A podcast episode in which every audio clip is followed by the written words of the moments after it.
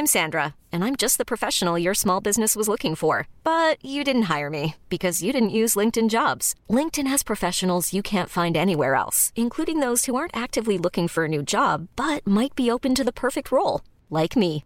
In a given month, over 70% of LinkedIn users don't visit other leading job sites. So if you're not looking on LinkedIn, you'll miss out on great candidates like Sandra. Start hiring professionals like a professional. Post your free job on linkedin.com/achieve slash achieve today. Hey, it's Ryan Reynolds, and I'm here with Keith, co star of my upcoming film, If, only in theaters, May 17th. Do you want to tell people the big news?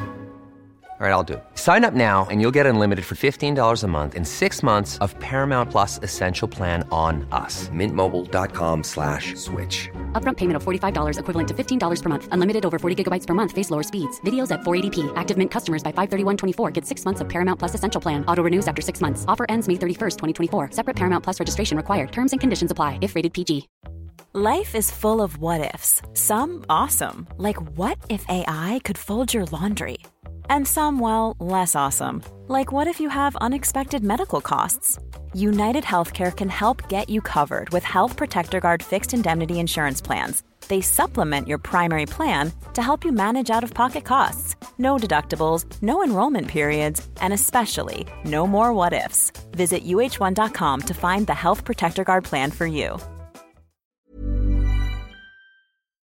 Vi är denna vecka sponsrade av Indie Beauty. Och Sofie, det här tycker jag är extra fint och extra roligt.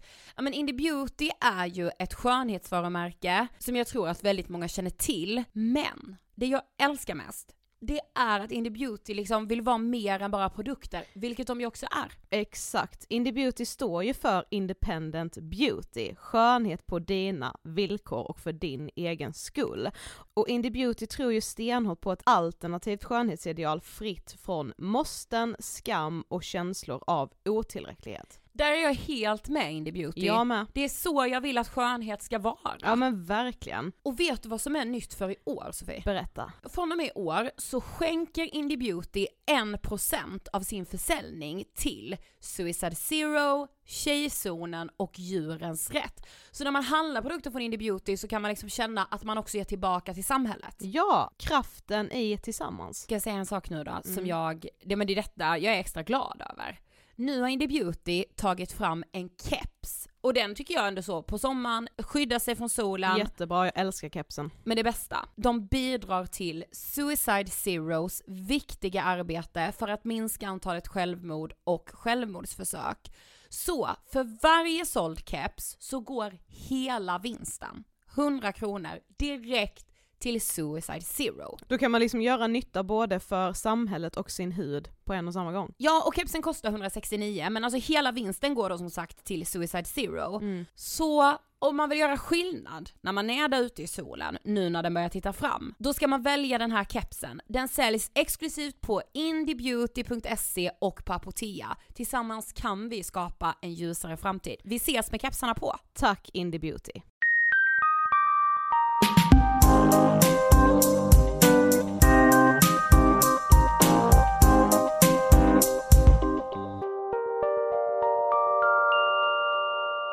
Det här är Ångestpodden avsnitt 321. Hej Sofie Hallberg! Hej Ida Högerstrand.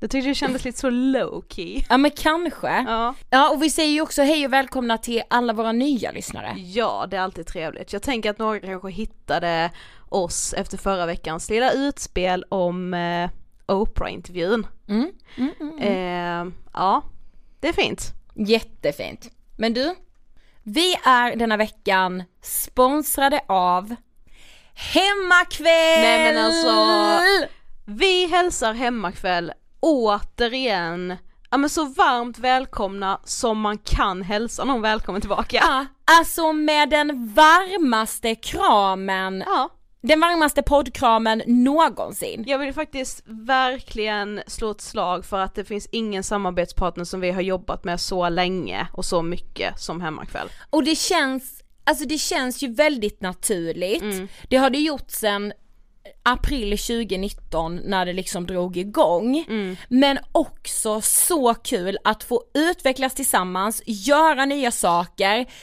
och att komma tillsammans i det här med hemmakvällen, godis, att få leva och njuta utan regler. Exakt, det är väl det vi vill påminna om hela tiden. Om att man aldrig ska liksom känna att man behöver unna sig, det är ju liksom det värsta uttrycket vi vet, att man liksom, nej, inte behöver äta godis frukost, middag, kväll, men man får äta det när man känner att man vill det. Ja, man behöver, det är liksom, det behöver inte vara en grej. Nej. Det ska bara ingå i livet som en härlig, naturlig, göttig grej. Och jag tänker också nu när man ju liksom umgås mera hemma och ha fler hemmakvällar och man umgås med en lite mindre skara människor, att man liksom knyts samman vid att käka gott godis eller Ah. snacks eller läsk eller vad det nu än må vara liksom. Ja, jag älskar det. Och snart närmar vi oss en eh, högtid. Påsk, påsk, påsk. Och jag tänker att Jag finns- älskar påsken. Ja, det finns väl ingen högtid som i alla fall jag förknippar lika mycket med godis som just påsken. Ja det är sant, fattar. Kanske att man har, för att man har gått runt som påskkärring och liksom, ja, samlat ihop lite godis genom jag, åren. jag har alltid letat påskägg också. Ja okej, mm. ja, jag har kört mer påskkärringracet faktiskt på Okej. gatan hemma. Ja jag förstår, men du, nu kommer jag sticka ut hakan lite. Okej. Tillsammans med hemmakväll då. Hemmakväll vet nämligen hur påsken ska smaka. Det är jag inte förvånad över. Nej men du vet alltså, nu är det påskgodis i mängder på hemmakväll. Alltså, gå, nej men ni kommer liksom, står man utanför Sofie och bara blickar in, man går in. Alltså det finns inte, man, man, dragningen är så stark. Men va? vet du vad jag också tänker lite? Att man ju får fylla sitt påskgodis med precis vad man vill. Det behöver Absolut. inte bara vara de här färgglada äggen och de här Nej. äggen med choklad runt. Man kan liksom ha popcorn i sitt påskägg eller chips. Vad har du i ditt? Eh, ja men jag kör ju min vanliga, det är ju lakrits. Du det är ju, ja Jag känner nog i år att jag är lite sugen på chips i mitt påskägg. okej. Mm. Jag är faktiskt på chipsspåret och sen även då lite lösgodis, det vill jag liksom inte vara utan. Men det kommer så mycket goda chipssorter. Och du gillar ju nyheter ju. Älskar det. Och nyheterna de är alltid först på hemmakväll. Jag vet två nya nu till exempel. Två nya smaker av Festis. Och de är alltså först på hemmakväll. Jajamän. Tack, underbara hemmakväll. Vi är denna veckan även sponsrade av Ellos och som ni säkert vet så har vi ju tagit fram en ny programpunkt tillsammans med Ellos där vi vill lyfta kvinnoskapet. The F-word. Och nu ska vi för första gången få lyssna på en av alla de berättelser som ni skickade in till oss. Här kommer den. Att få genomlida rättspolitiska seminarium på universitetet där en kille på frågan varför kvinnor tjänar mindre rätt ut svarar. För att kvinnor är ju sämre rent faktamässigt. Vi var fler kvinnor i det rummet än män. Ingen sa något. Det var bara den outtalade kutymen att män ges företräde i att tycka och säger du emot är du en PK-kärring. Även i akademiska kretsar. Ledaren för seminariet svarar med att bli obekväm och byter fråga. Det alla lärde sig den dagen var ett, Ifrågasätt inte sexister. Och två, Ingen kommer att protestera när kvinnor påstås vara mindre värda. Och alltså vi vill bara tacka så mycket för alla era erfarenheter av kvinnoskapet som ni har skickat in till oss. Vi kommer fortsätta lyfta dem både i Ångestpodden men även på vår Instagram, Angestpodden. Vi och Ellos är så stolta och tacksamma för det här. Tack. Och herregud, dagens avsnitt Sofie. Mm. Håller du i dig? Ja, jag gjorde det i alla fall när vi gjorde den här intervjun. Vi har med oss den helt fantastiska Birgitta Backlund, Birgitta Andersson a.k.a. Mm. Eh, känd som Sveriges gangsterdrottning. Yes, även känd som Blondie. Och nu tänker jag att som lyssnare då får man liksom bilder. Jag har ju aldrig träffat en så varm och fin människa som Birgitta. Inte jag heller. Och så här, alltså jag älskar, jag har vetat det länge men jag blir påmind lika mycket varje gång jag träffar en människa som har levt så mycket längre än vad jag har gjort. Alltså en lite äldre människa som har så mycket livserfarenhet och som liksom, jag vet inte det är bara varenda gång vi har poddat med någon äldre människa så är jag bara så här, alltså tack för att jag får göra det här. Ja, men Birgitta har ju också levt 16 år av sitt liv på olika institutioner. Det har varit flickhem, ungdomsvårdskolor, psykiatriska kliniker och också kvinnofängelset Hinsberg som väldigt många känner till. Mm, och Birgitta växte ju upp under extrem fattigdom. Och ja, har bara levt ett väldigt, väldigt hårt liv. Hon har ju levt i fullständig utsatthet Mm. och när hon berättade allt det här för Sofie, att hon liksom behåller humorn. Precis, det kändes liksom inte alls mörkt. Nej, fast för att betona, det är det ju. Det är det. Och jag kan inte, alltså jag kan inte i min vildaste fantasi föreställa mig hur det är att leva så som Birgitta har gjort. Nej. Det är dags för intervjun med Birgitta. Varsågoda! Hej Birgitta och varmt välkommen till Ångestpodden.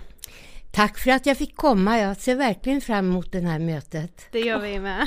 Ja, Men för de som inte vet, vem är du? ja jag är en gammal kärring med sig. Jag är 77 år. Och eh, har levt många sorters liv. Men jag känner mig yngre och mer levande än jag någonsin har gjort. Och jag brukar skoja och säga att jag har suttit 16 år på kåken så jag, de räknas inte. Så Nej. egentligen, egentligen är jag 61 bara. Jag skulle faktiskt aldrig gissa på att du är 77 om någon ställde frågan. Nej, verkligen inte jag heller. Nej. Du känns, men du känns ung och sprudlande och liksom Jo men jag känner mig väldigt sprudlande och glad. För jag vaknar, jag är så oerhört tacksam över att jag fick en andra chans i livet. Och så är jag lite ödmjuk över allt som händer. Jag tar det med fattning och är glad för det jag har. Eh, vi ställer alltid samma fråga till alla gäster i Ångestpodden. Nämligen vad, vad tänker du på när du hör ordet ångest? Ja, jag brukar säga det att ångest var någonting jag fick med mig i modersmjölken. Min mor var laddad med ångest. Hon hade som fasansfull ångest. Och jag tror på det här genetiska arvet och allting. För hela min barndom var så ångestladdad. Sen bidrog ju jag till och andra händelser till att den blev ännu värre klart. Men hon hade trots allt så mycket glädje inom sig. Hon skrattade och var glad. Hon dolde sin smärta och det har jag också lyckats göra. Nu är jag visserligen befriad från ångest och smärta men jag levde nästan hela mitt liv fram till jag var 40-50 år. Jag boll, bäddade ner de här känslorna och dolde all gråt jag hade inom mig. Det var först när jag skrivit Blondie som jag blev hel som människa tror jag. Men du är ju uppväxt på Söder i Stockholm Mm. tillsammans med din mamma och ni levde ju väldigt, väldigt fattigt. Alltså hur var din uppväxt? Alltså, det, det är nog ingen som kan föreställa sig hur fattigt det egentligen var. Hon var ensam med tre barn. Och eh, där vi bodde, det var ett ruckel uppe på Kvastmakarbacken som nu är kulturhus. Röda kåkar. Då var det loppor i väggarna, dass på gården och vattenpump på gården. När mamma gick hem med mig från BB, då fick hon slå sönder brorsans spelsäng för att kunna värma upp lägenheten. Äh, Det var fasansfullt fattigt. Och fattigdomen präglade nog hela min uppväxt. Jag hatar den så intensivt. Nej men för man tänker det så här, om man tänker på Söder idag, då tror jag liksom Ja. ingen kan förstå, eh, alltså precis som du säger, hur det, hur det faktiskt var då. Nej. Nej. Idag är det ju liksom lyx. Ja, det är lyx. Ja. Det är lyx. Och det var det ju sannerligen inte. Ja, jag vet inte vad jag ska säga. Jag tycker bara liksom att det skapade så många starka kvinnor. Och på den tiden så förstod jag nog inte hur stark min mamma egentligen var. Nej. Men bod, alltså präglades liksom ert liv i den mån att, att ni inte visste om ni kunde, skulle ha mat på bordet eller liksom? Ja, oh ja. Det Ja. var ju en kamp för brödfödan varje dag. Ja. Eh, och eh, vi fick ju krilla oss, ja, köpa mat på krita och det blev oftast rågr- rågröt, i bästa fall en klick grädde eller en klick smör på och några lingon. Men fick ni ingen hjälp av samhället liksom? Jo, det fick vi nog. Fast inte i den mån vi skulle behöva. Nej. Vi fick till exempel kläder från Stadsmissionen och de var ju inte fina. Varje gång drömde man om att man skulle få vackra kläder. Men hur det än var så kämpade min mamma. Hon var rätt duktig på att få Ja, hon skrev till olika fonder och allting. Så på något konstigt sätt överlevde vi. Och jag kommer inte ihåg att vi somnade och var uthungrade någon gång. Att vi var hungriga. Och Hon fixade till det. Mm. Det är nog svårt att som barn förstå hur mycket ens förälder kämpar. Alltså Nej. dels har man ju inte så mycket att jämföra med men man ser ju heller inte allt det slitet som Nej. ju då säkerligen din mamma höll på med varje Det är dag. först efteråt man får perspektiv på Precis. hur hon hade det. Mm, Precis. Då då. Men när du är sju år, är du med om någonting som du i efterhand har sett lite som kanske ett startskott på all den där misären som sen ditt liv skulle handla om egentligen. Men vad var det som hände då? Då blev jag våldtagen utav en, utav en utav gubbarna som bodde på ett ungkarlshotell i närheten. Vi gillade att reta de där jäklarna och de sprang efter oss och så vidare. Den här gången så hann den ena upp mig, slet upp mig på en vind och våldtog mig. Och jag minns det så tydligt för jag vågade inte berätta för min mamma. När jag kom hem och jag skulle gå och lägga mig så frågade hon vad mina trosor var. De har jag glömt i gympan, sa jag. Hon blev fly förbannad. För hon hade verkligen slitit för att jag skulle få de här trosorna. Hon, jag blev mobbad i plugget för jag gick i brorsans avlagda kalsonger. Så det här med egna trosor, det var någonting jätteviktigt och fint för mig. Kunde ju inte säga att de låg sönder eh, rivna i, på en vind. Och jag berättade aldrig för min mamma att jag hade blivit våldtagen. För jag visste att hon skulle bli så oerhört ledsen. Och eh, jag inser ju att jag hade nog behövt att någon såg hur dåligt jag mådde. Att ingen i plugget såg att det hade hänt någonting som var fasansfullt. För jag blev så förbytt. Jag blev en, ännu jävligare. Jag blev ett hår av vin alltså. Och hade det funnits skolsköterskor och skolpsykologer på den tiden så hade de sett att det var något allvarligt som hade inträffat. Men förstod du själv där och då, alltså förstod du att du hade blivit våldtagen? Jag vet egentligen inte om jag förstod vad det innebar. Men samtidigt levde vi i en sån tillvaro så ingenting var främmande för oss. Det var horor, det var eh, alkoholister och till exempel vi bodde granne med en kvinna som prostituerade sig. Jag glömmer aldrig när jag frågade henne varför säger de att du är ett fnask och en hora? Ja, men det är jag, sa hon. Och det är jättebra. Nu kan jag tjäna pengar och leva ett liv i lyx. Och då tänkte jag, när jag blir stor ska jag också bli hora. För det var det jag drömde om. Jag blev mobbad i plugget för att jag var fattig, för att jag var ful och för att jag inte hade några kläder.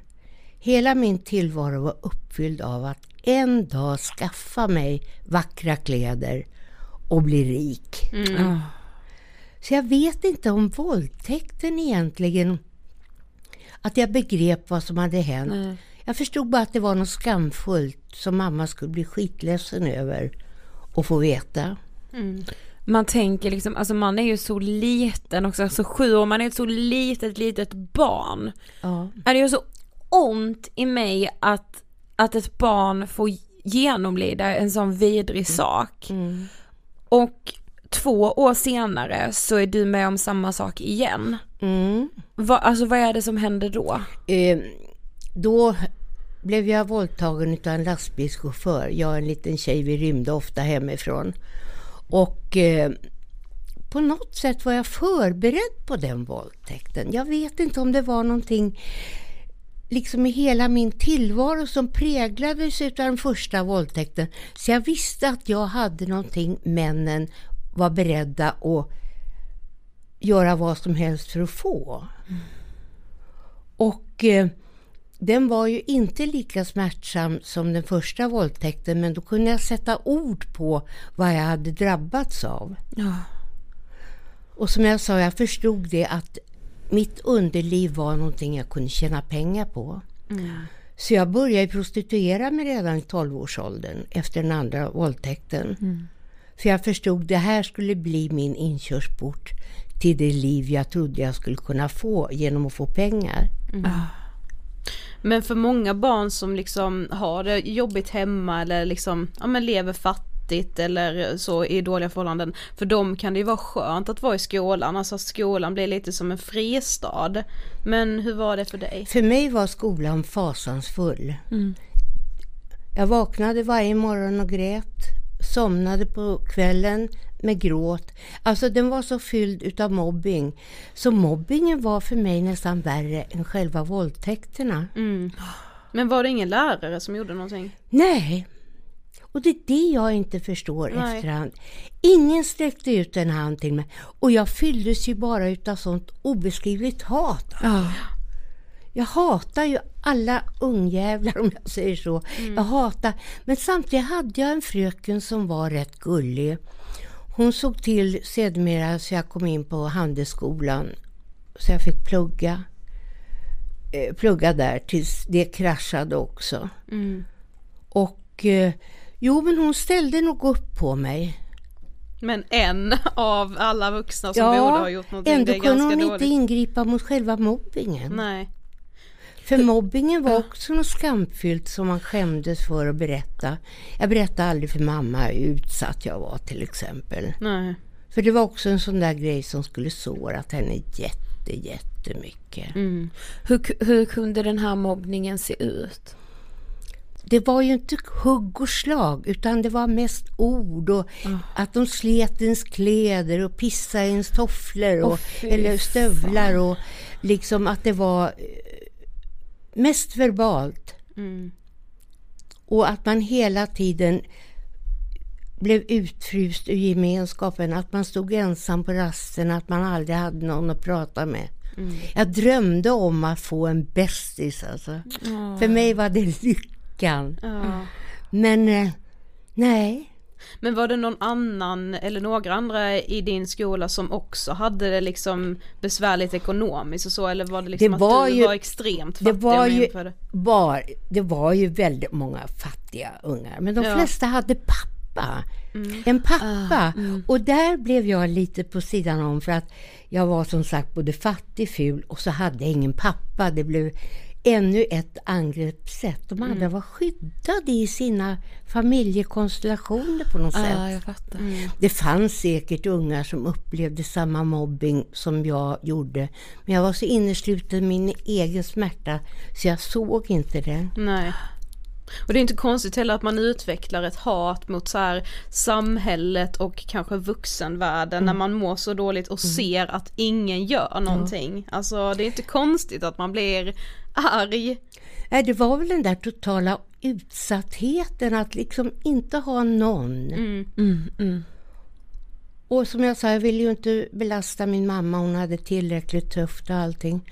Och att inte ha någon att gråta ut hos eller att visa att man var ledsen. Det, men det innebar ju att jag hela tiden visade upp en tuff attityd. Och ju mer angripen jag blev, desto tuffare och jävligare blev jag. Ja. Men du var ju väldigt duktig i skolan. Ja, det var jag ju. Ja. Jag var ju otroligt duktig. Va- Men blev inte det som en liten styrka för Jo, dig?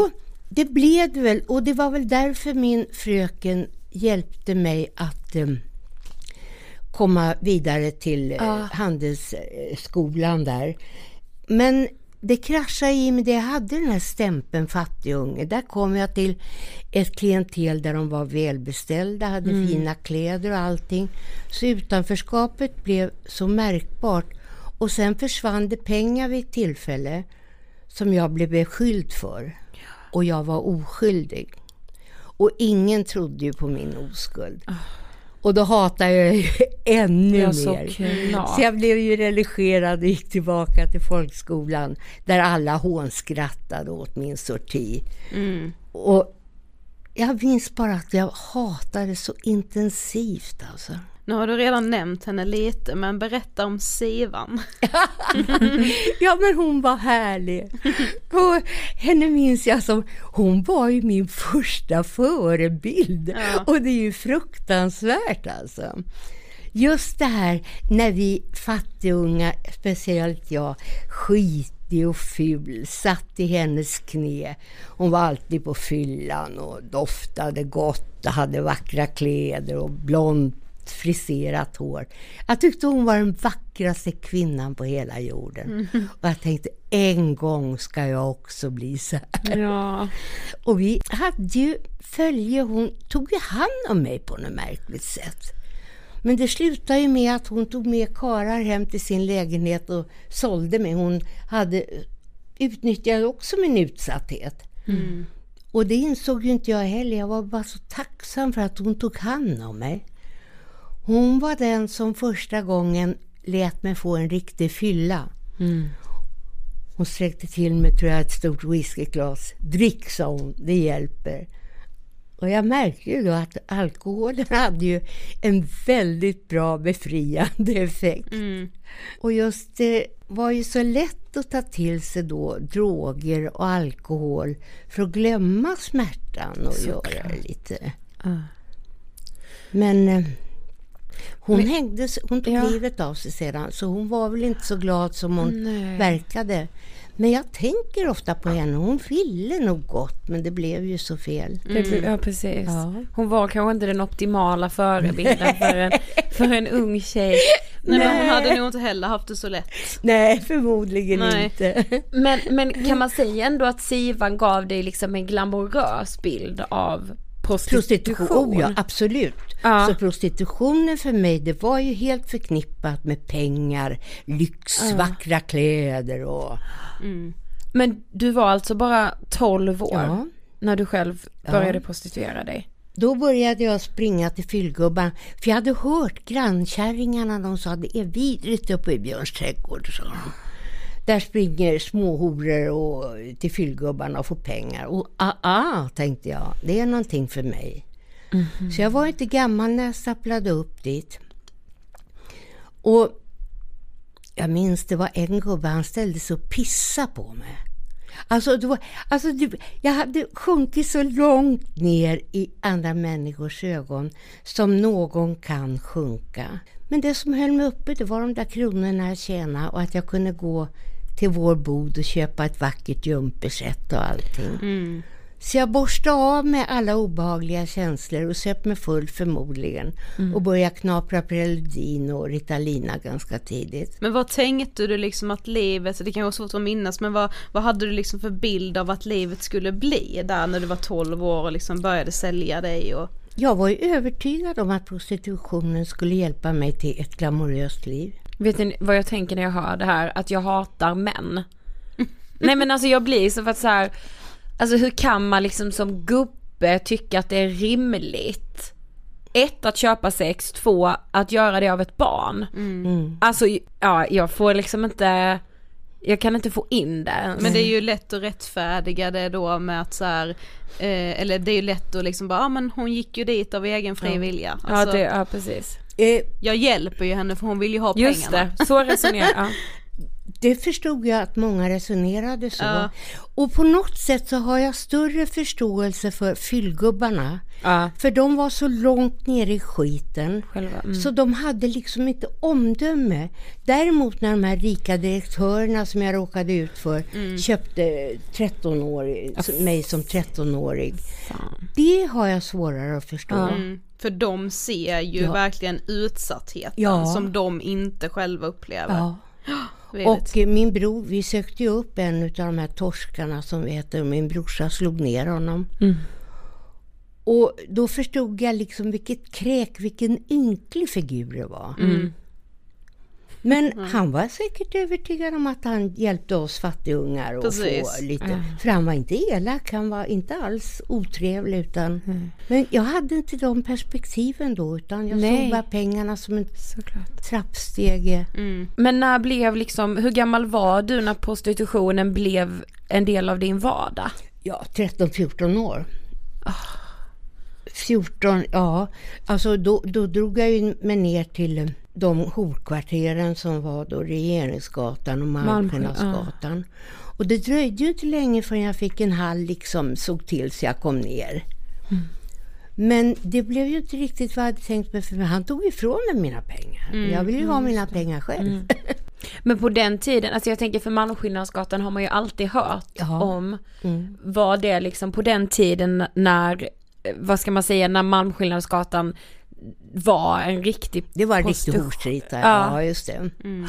Och då fanns ju små eh, chic och bar och det fanns små ställen som vi eh, fnask samlades vid och vi drack och svulla och ja. umgicks så. Sen spred vi ut oss på gatorna och det, jag var inte exceptionellt ung bland dem. Det fanns nog många som var i 14-årsåldern, oh. Vad jag vill minnas. Mm. Sen fanns det ju de här gamla bedagade hororna som vi tyckte mm. synd om. Men de var lite som modersgestalter för oss. Mm. Okej. Okay. Ja. Men sen ett tu tre så kallas du för Sveriges gangsterdrottning. Ja. Hur fick du den titeln? Ja, från det jag började gå på Malmskillnadsgatan så började ju vägen till ungdomsförskolor och mm. fosterhem och så vidare. Och jag åkte ju in och ut. Och på den tiden så såg ju jag Hinseberg som bara naturligt avsteg. Alltså när jag blir 21 år då fortsätter de här reporna. Men mellan varven så försökte jag eh, rycka upp mig. Mycket på grund, tack vare min mamma ska jag säga, för hon, hon tappade aldrig hoppet om mig. Och jag fick ströjobb ibland, jag kokade kaffe på Stadshuskällaren och så fick jag ett sommarjobb på ironiskt nog på polishusets kör, polisens körkortsavdelning. Och eh, ganska snabbt insåg jag då att det här med körkort och stämplar, det var ju rena guldgruvan för det ah. klientelet jag umgicks med. Så jag stal ju med mig väldigt många körkorts... Ja, vad kallar man det? Ja, underlag mm. och stämplar hem och rövarna blev ju Oh, det var ju guld för dem och jag fick ju bra betalt från början med, till att börja med. Men sen tyckte jag att de bar sig så klantigt åt. De gjorde så dåliga förfalskningar tyckte jag. Så jag satte mig och försökte, jag bestämde mig för det där kan jag göra bättre. Och det kunde jag ju. Mm. det kunde jag ju. Jag var ju betydligt duktigare än dem. Än dem. Ja, ja.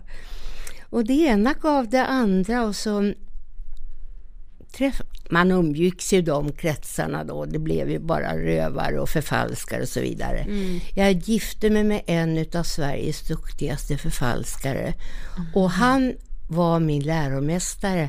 Han kunde rita stämplar på fri hand. Så det såg han var så duktig. Och han var helt fantastisk. Så vi får runt i landet och eh, hämtar ut varor, pengar, köpte körkort, checkhäften och satt och förfalskade hela nätterna. Vi var lite som Bonnie och Clyde. Mm. mm. Och eh, när vi sedan skilde oss så fortsatte jag den här karriären. För jag hade ju lärt mig det här hantverket och mm. insåg att jag var skitduktig på det. Mm. Och det gav ju mer pengar än prostitution. Ja. Det var som att eh, plötsligt hade du hittat en väg som var som gav ännu mer pengar. Det är som att pengarna hela tiden har ja, varit drivkraften. pengarna liksom. har varit drivkraften. Eller kanske det kanske är fattigdomen som du växte upp i som var drivkraften på Absolut. något sätt. Alltså att att inte hamna där igen. Men så har ju allting en baksida. Mm. Ja. Då kom ju knarket mer, tyngre och tyngre droger in i bilden. Och man var ständigt på rymmen. Det kostade en förmögenhet att gömma sig. Ja. Det kostade en förmögenhet att svepa i sig knark till förbannelse. Ja. Och man hade ingen. I'm Sandra and I'm just the professional your small business was looking for. But you didn't hire me because you didn't use LinkedIn jobs. LinkedIn has professionals you can't find anywhere else, including those who aren't actively looking for a new job but might be open to the perfect role, like me. In a given month, over 70% of LinkedIn users don't visit other leading job sites. So if you're not looking on LinkedIn, you'll miss out on great candidates like Sandra. Start hiring professionals like a professional. Post your free job on linkedin.com/achieve slash achieve today. Here's a cool fact a crocodile can't stick out its tongue. Another cool fact you can get short term health insurance for a month or just under a year in some states. United Healthcare short term insurance plans are designed for people who are between jobs, coming off their parents' plan, or turning a side hustle into a full time gig. Underwritten by Golden Rule Insurance Company, they offer flexible, budget friendly coverage with access to a nationwide network of doctors and hospitals. Get more cool facts about United Healthcare short term plans at uh1.com. Hey, it's Ryan Reynolds, and I'm here with Keith, co star of my upcoming film, If, only in theaters, May 17th. Do you want to tell people the big news? All right, I'll do it. Sign up now and you'll get unlimited for $15 a month in six months of Paramount Plus Essential Plan on us. Mintmobile.com slash switch. Upfront payment of $45 equivalent to $15 per month. Unlimited over 40 gigabytes per month. Face lower speeds. Videos at 480p. Active Mint customers by 531.24 get six months of Paramount Plus Essential Plan. Auto renews after six months. Offer ends May 31st, 2024. Separate Paramount Plus registration required. Terms and conditions apply if rated PG. Respekt för pengar längre, utan de bara flöt. Så man visste att det var så lätt åtkomligt. Men kan du minnas när du läste om dig själv, alltså som gangsterdrottningen? Ja. Hur, Ja. alltså hur kändes det? Jippi, jag har lyckats! Ja. Äntligen är jag någon. Jag Ah. var inte den där fattiga, fula unge, utan i mina kretsar var jag högt ansedd. Och på den tiden var jag rätt snygg. Och jag kände Mm. Det är du nu liksom- också Ja. Birgitta, nu, nu la jag ut det riktigt då. Nej men alltså, jag kunde köpa vackra kläder och jag gjorde det och jag var, jo, jag, jo jag hade status. Men det i sin tur innebar att när jag torskade, för det gör man, är man knarkare så åker man in. Komma in påten på en bank, det lyser ju om en. Och det var ju under att jag klarade mig så länge som jag gjorde. Men då hör det till, när man kommer på Hinseberg, då har det här ryktet man har byggt upp, det har gett en, en massa fördelar. Fick obegränsat med kredit utav knarklangarna. Och knarket på Hinsan var dyrare än på Plattan. Så man byggde ju upp alltså. Och, och ingen tvivlade på att jag inte skulle betala, för de visste liksom att på den tiden var knarkskulder hedersskulder som skulle betalas. Så det första man gjorde när man kom ut, det var att göra nya bedrägerier för att skaffa och så mer knark och nya bedrägerier, torska igen och så gick det ett ekorrhjul så här. Så, så glamoröst blev det ju inte till slut, det blev ju jäkla häxjakt. Ja det är klart. Du beskriver också i din bok att ditt mål i livet där och då på något sätt var att bli bäst på att vara sämst. Ja. Alltså hur kom du fram till det? Vad var det Alltså jag vet, att, att, jag vet att många har försökt stjä- stjäla det här uttrycket och sagt att det är deras, men jag vill hävda att det är mitt. Ja. Och det var mitt. Och jag lyckades. Alltså nu är ju allting relativt. Det fanns säkert de som var mycket rikare, mycket vackrare, mycket mer begåvade. Men i min begränsade värld så var jag det jag hade velat bli. Vacker, framgångsrik och hade gott om pengar. Men du, du skrev också, du har varit inne på det lite nu, men just det känns som en så stor del av att också leva kriminellt, att må, att leva väldigt destruktivt. För du skriver att du har knarkat i tre decennier. Minns du första gången du kom i kontakt med, med droger? Första gången, ja, jag hade, man hade ju knarkat, eller pill, knaprat de här pillerna, lyckopillerna som vi kallar Okej, dem. ja. Man köpte Preludin och käkade och blev hög till Mm. tusen.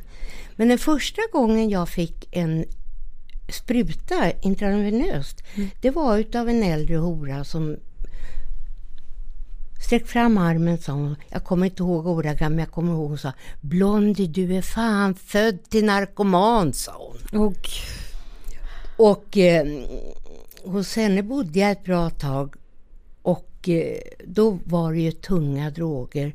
Det var bara en tillfällig period i mitt liv för jag mådde så dåligt på heroinet och skiten. Mm. Så jag föredrog uppåt tjack. Mm. Och sen på något lustigt sätt så var ju Kronobergshäktet, det var en knarkfri zon. Okej. Där, där förekom det inte någon narkotika. Märkligt nog. Det fanns inte samma inkörsportar.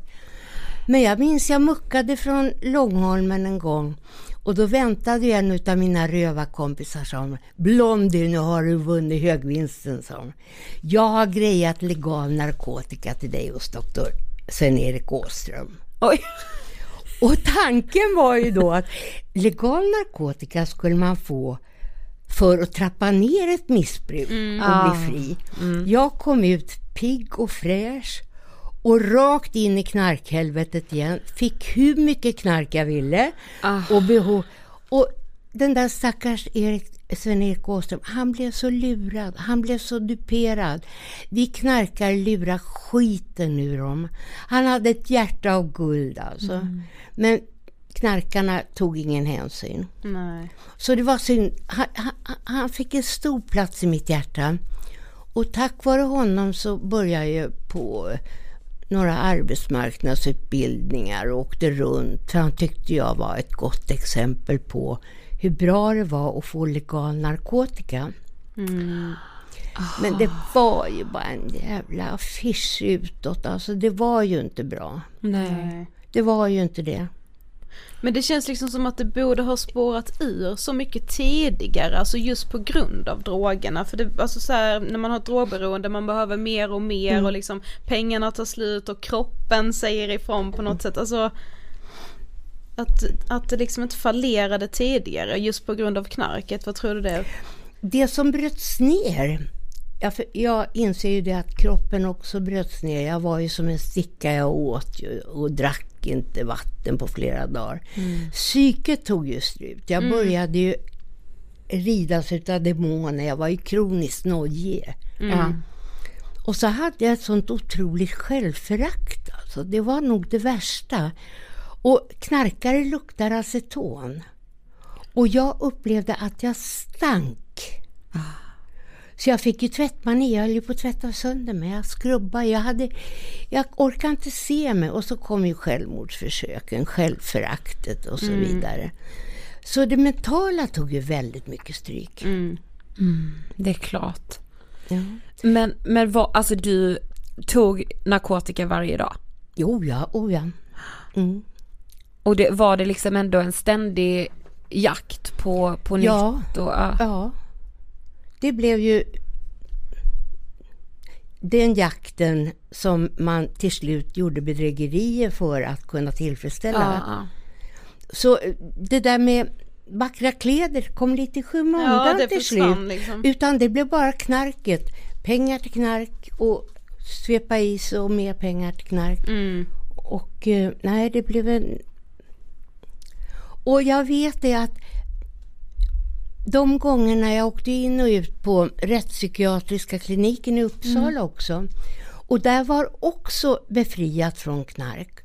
Och jag upplevde, gud så skönt att äntligen få landa. Att slippa Hinseberg där allting var också knarkspäckat. Så det var jättemycket knark på Hinseberg? Ja, alltså. det var det. Mm. Men på Långholmen och rättspsykiatriska kliniken var det rent. Ja. Det är intressant, alltså ändå hur det blir så, alltså hur Hinseberg ändå kunde vara, alltså Nu tror jag att det är betydligt tuffare där. Jag tror att de har fått ordning på det. Då Jag, jag tror att de har så pass rigorösa förhållanden. Det här är ju 40 år sedan. Och det har ju förändrats väldigt mycket. Människor i gemen var ju mer blåögda då. Det här var ett nytt fenomen.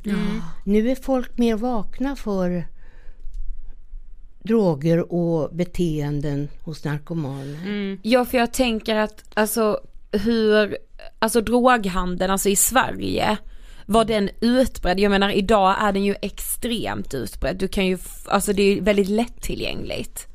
Ja, på något sätt är jag ju glad att jag inte är ung idag. Mm. För det här med kokainet och tunga droger, det var Mm. jag besparad från. Jag hade ju en kort period som heroinmissbrukare. Ja. Men nu är det ju kokainet som sprider sig över alla samhällsgrupper. Precis.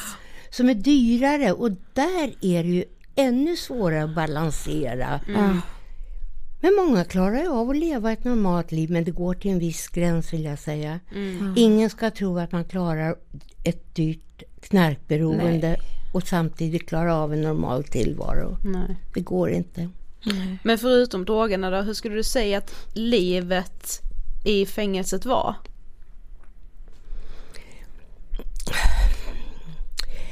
Alltså det låter inte klokt men jag kommer ihåg, jag födde ju båda mina barn där. På Hinseberg. På visst. Hisberg, Mm. i omgångar då. Då fick man ha ett barn hos sig, jag tror det var till ett och ett halvt år och så fick man lämna ifrån sig det för nästa barn. Och den tiden som jag hade tillsammans med mina barn på Hinseberg, det var en fantastiskt fin tid alltså. Inga droger. Och jag fick umgås då med Petra och Camilla som de heter. Och de här gamla kärringarna de satt, satt och stickade babykläder. Det var, det blev allas lilla små barn alltså. Så det blev väldigt gulligt. Ändå kom de här knarklangarna med sina pulverpåsar och frågade Ska du inte ha några korn? Och då fraktade just knarklangarna ännu mer. För att de var beredda liksom att gå in i min lyckliga mamma barntillvaro och fresta mig med knark. Ja. Så det insåg jag bland knarkare finns det varken moral, samvete eller... Nej, Och nej. jag blev själv sån. Alltså, man förlorar det här med heders... Ja. Det, det men existerar- nej, det, borta, liksom. det är bara egot, egot, egot, egot. Och den som säger något annat, den ljuger alltså. Ja, för sålde du även själv? Ja, Mm. till slut gjorde jag ju det. Och eh, jag åkte ju fast några gånger också för knark. Jag skaffade ju knark för att finansiera mitt eget beroende. Ja. Mm. Men, men hur såg liksom ditt liv ut när du inte satt inne? För från och till, du har suttit inne sammanlagt 16 år va? Ja, just det.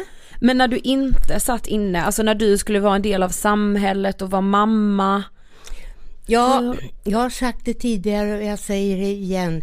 Jag trodde i min enfald när jag fick barn att nu kommer räddningen. Jag trodde att barnen skulle bli min livboj. Att det skulle göra att jag kunde vända mitt liv från svart till vitt. Så funkar det inte. Jag upptäckte det att straffet man får, det börjar först när man blir frigiven. Man sätts i en förort utan pengar, knappt några möbler, knappt, ja, ytterst armod. Och framförallt så har man inte ett uns av social samvaro. På kåken hade man ändå, ändå en viss gemenskap. Just det. Och det är oerhört tufft att sitta ensam med två små barn. Jag klarar inte av det.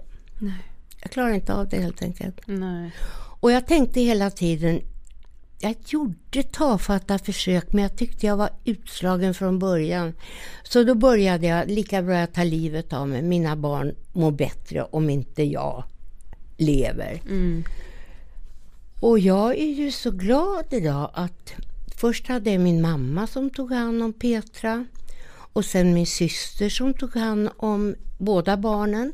Sen kom de till fosterhem i Småland där de fick vara tillsammans. Och det var jag jätteglad över. Men så kommer du till en punkt där du ändå känner så att ja, men, allt måste få ett slut. Mina barn får det bättre utan mig och du hade inte dem längre och så här. Eh, och du sitter inne igen då på Kronobergshäktet och lyckas smuggla in en nagelsax. Ja, alltså jag, jag har ju skurit upp både armar och eh, allting. Jag eh, ska ju upp halspulsådern här.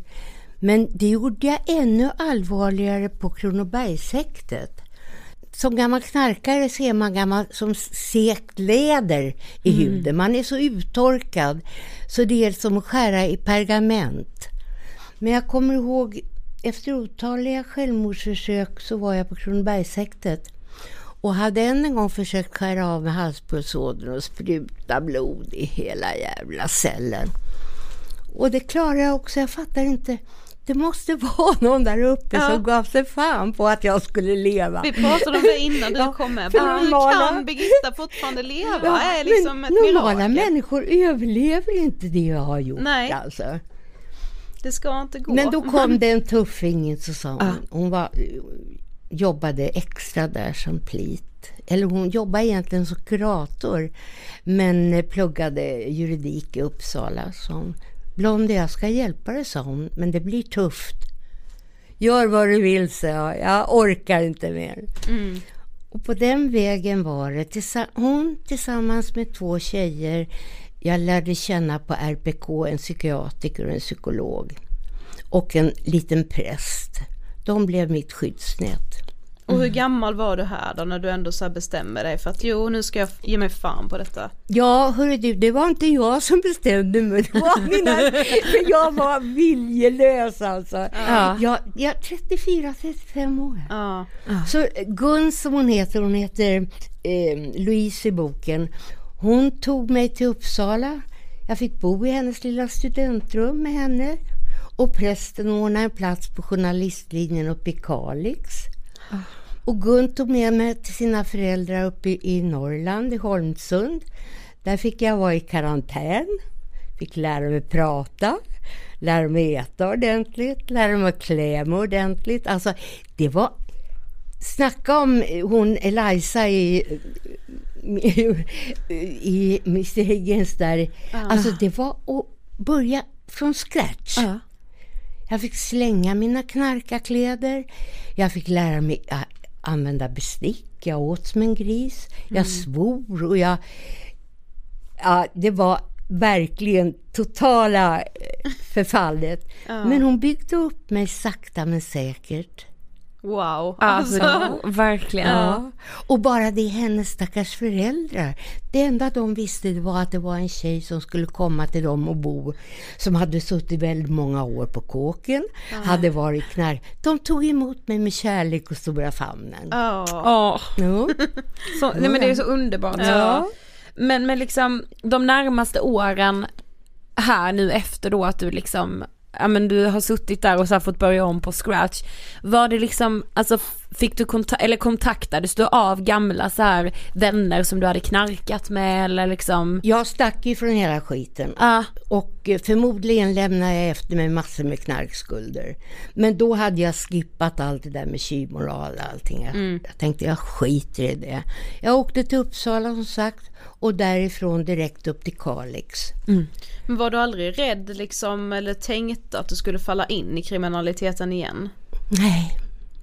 Du bara så visste att Det var som att skära av alla banor. Jag, jag, var så slut när hon tog hand om mig. Jag kanske inte hade klarat av den här resan tidigare. Men då var jag motiverad. Eller hade inga andra alternativ. Nej. Jag kunde inte ta livet av mig. Jag kunde inte återgå till kriminaliteten. Alltså det fanns inget annat val. Nej. Och in, alltså kände du inte att du saknade liksom alkohol eller droger eller? Nej, inte drogerna eller. Sen söp man ju till där uppe i Kalix. man hade ju skitkul där uppe på. Men jag lärde mig umgås med alkoholen på ett roligt sätt. Mm. Att det inte var för att döva ångest. Mm. Och tiden uppe i Kalix, det var ju min roligaste tid. Jag var ju som en kalv på grönbeten. Ja, det är klart. Ja. Men då hade jag den där jävla kronofogden i hela alltså. Och det. det. är konstigt att de inte kan avskriva i vissa situationer. Så de tog ifrån mig, jag fick ju AMS-bidrag då för att jag gick den här utbildningen.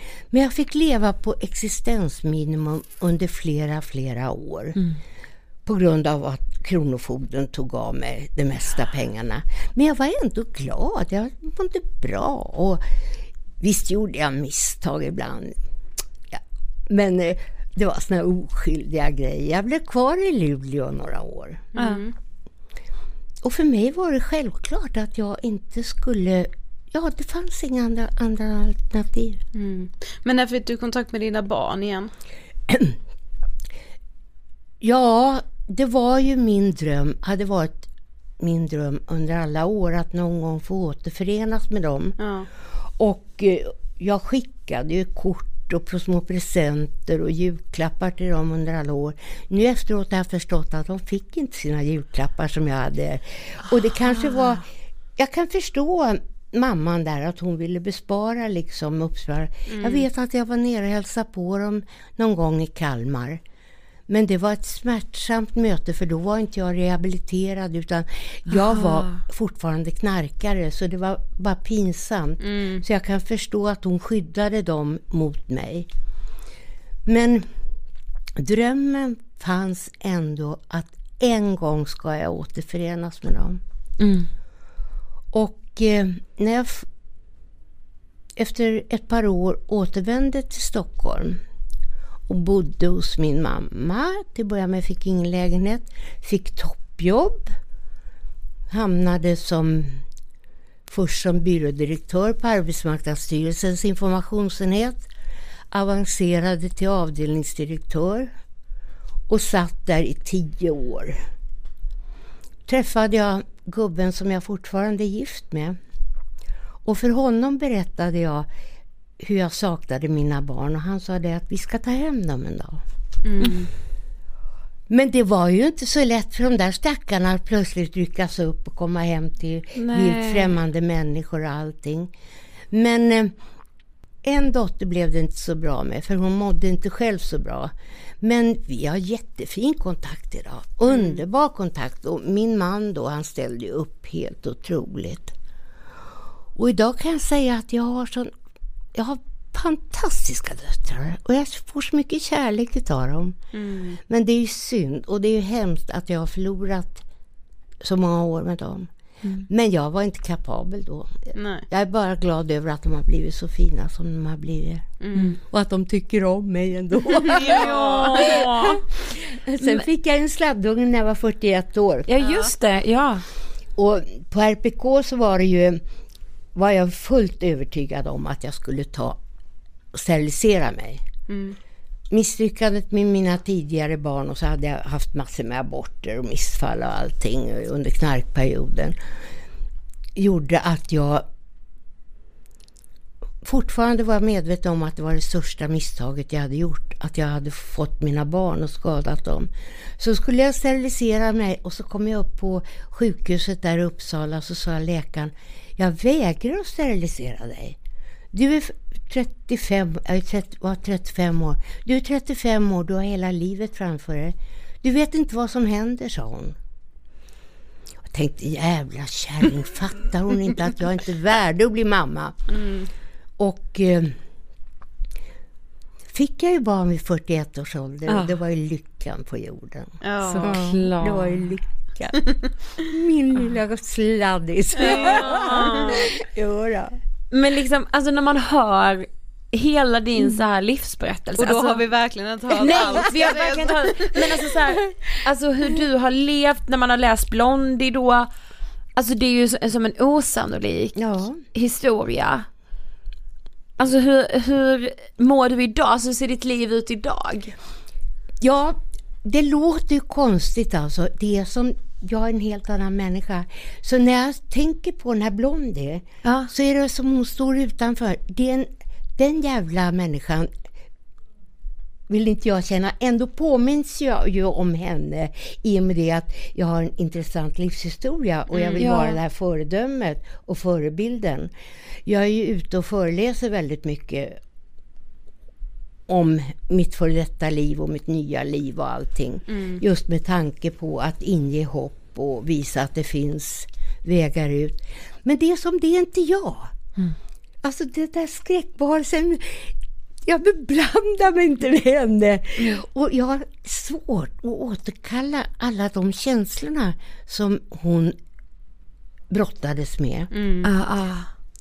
Men det var ju ångest, ångest, ångest. Och idag har jag ingen ångest. Mm. Och än en gång, det skrev jag av mig. Ja, när du skrev blond. Jag, satt, jag tog upp allt skit. våldtäkter och allting, även om det inte går att sätta ord på allting. Men jag tog upp det när jag var frisk i huvudet mm. och konfronterades med det och insåg hur mycket det hade påverkat mitt liv. Ja. Och det gav mig till förklaringar till mitt beteende.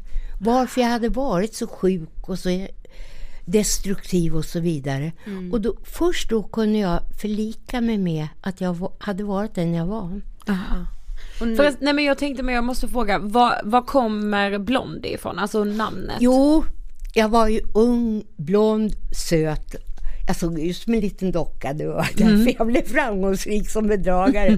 Det var ju ingen som trodde att den där lilla blonda ängeln kunde. Men jag var ju för jävlig. Alltså, jo, men jag red ju på att jag såg så oskyldig ut. Ja. Så då bestämde du dig för att kalla dig för Blondie? Ja, det var någon som började kalla mig Blondie. Så tänkte mm. jag, bra, det passar mig perfekt. Mm. Jo. Men nu är det också aktuellt med din nya roman, Fängslande kärlek. Har skrivandet betytt mycket för dig? Alltså skrivandet för mig är livselixir. Ah. Och jag är lite förbannad på att jag alltid återkommer till de här fängelsemiljöerna och allting. Men jag har märkt att folk tycker om att le. Fängslande kärlek är inte självbiografi, Nej. vill jag påpeka. Blondie är sann. Mm. Men det här föddes en konstig jäkla... Jag skrev en novell en gång mm -hmm. på temat. Och den blev så uppskattad så jag tänkte, jaha, är det det här folk vill läsa? Mm. så jag skrev den och utarbetade den. Mm. Och Lustans tivoli, där märkte jag också att jag skriver böcker som ingen annan skriver. Det finns massor med feelgood, det finns massor med thriller, det finns massor med deckare. Men jag har satt fingret på någonting som är unikt just för mig. Så folk förväntar sig att jag ska klicka ur med såna här snuskiga jävla historier. och, och jag tycker det är rätt kul. Som efter, förut skrev jag av med ångest och smärta. Nu skriver jag utan lust och glädje. Jag tycker mm. det är skitkul. Mm.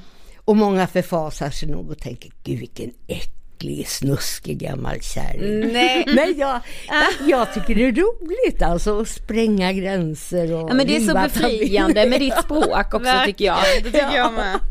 Men okej, Birgitta, jag vill alltid ha dig i podden.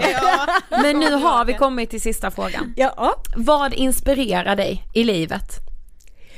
Inspirerar mig, det är möten med människor finns ingenting som jag saknar mer än mötena med människor.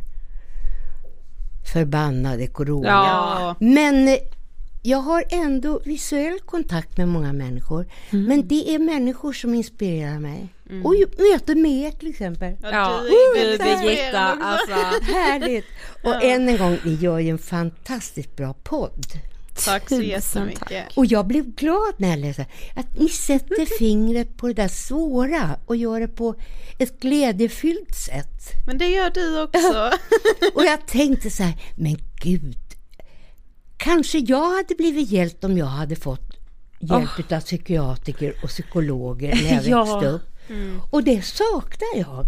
Jag förstår. Det tänker man ju när man, alltså det tänkte jag när jag läste Blondie, just avsaknaden av eh, psykolog. Ja. En psykolog, ja. en mm. kurator på skolan som du sa, ja. skolpsykolog. Eller så socionomer, alltså alla de som att jobbar social, med precis, alltså, socialtjänst. Det kompenserades ju utav de här tjejerna jag träffade på rättspsykiatriska kliniken. Mm. Hon var ju psykolog en kurator. Mm. mm. Det blev ju mina förebilder ja, och sådana här ja. juridikstuderande. De här positiva förebilderna som jag tror unga tjejer behöver idag. Mm. Men det tog ändå så 35 år då innan du träffade ja. dem. Det skulle ha skett mycket tidigare. Och det är ju ingen tillfällighet att min yngsta dotter utbildat sig till psykolog och psykiatriker. Oh, underbart! Ja, för hon funderade nog väldigt mycket på för att varför hennes morsa inte var som andra mm. morsor. Mm. Ja. ja, tack så jättemycket för att du ville gästa Ångestvardagen. Ja, Birgitta, det har varit helt otroligt. Tack så tack. hemskt mycket. Tack. herregud. Men du Alltså- vet, det är bara så här, jag blir ju så gripen av Birgittas språk. Ah, Det är liksom så, det, det går inte att vara mer rå och ärlig i sättet man uttrycker sig. Men det är också det som blir så, jag vet inte, frigörande och förlösande på något sätt att lyssna Mm. på. Jag är också liksom, jag blev mest fängslad tror jag av den styrkan hon besitter. Mm. Eh, och den styrkan som hon har haft genom hela sitt liv. Och jag tänker typ så här, det blir en liten påminnelse om att alltså alla har den här styrkan inom sig. Mm. Men såklart handlar det jättemycket om tillfälligheter, att man ska ha precis rätt människor runt omkring sig vid precis rätt tillfälle, tillfälle när man är mottaglig för hjälpen. Ja, ja, ja. Men Eh, Om man nu vill se det som någon sorts änglavakt eller vad det nu än kan vara, men alltså alla har den styrkan inom sig. Ja, för det känns ju som att Birgitta har haft allt emot sig. Ja, hela tiden. Och så sitter hon här och är bara så helt färgsprakande. Ja, ha- Ja. Birgitta, alltså du ska ha så många tack för att du ville gästa oss i Ångestpodden och du måste komma tillbaka. Ja, du är välkommen varje dag. Och Birgitta är också aktuell nu med en ny bok som heter Fängslande kärlek. Yes. Som finns på Adlibris, Bokus, överallt. Men jag tycker också ni ska läsa bästsäljaren Blondie, hennes Absolut. första bok. Och under namnet då Birgitta Andersson när hon skriver böcker. Yes. Det var allt för den här veckan. Ja. Eh, vi la ju faktiskt ut eh, en liten så hint om vad våra nästa avsnitt ska handla om här Ja. nu framåt. Det är en jävla massa bra avsnitt vi släpper Ja. nu. Jag vill alltså jag, jag är ju alltid stolt över Ångestpodden men så här, det känns, jag är bara just nu inne i ett stadie där jag bara känner så här, fan vad vi levererar. Ja, verkligen. Får jag säga så? Uh, gå in och följ oss på Instagram där vi heter Angestpodden, där kan ni se det här schemat Yes. som Sofie pratar om. Mm. Eh, Om ni vill få en liten så inside information och vi hörs som vanligt nästa vecka. Hej då! Hej då!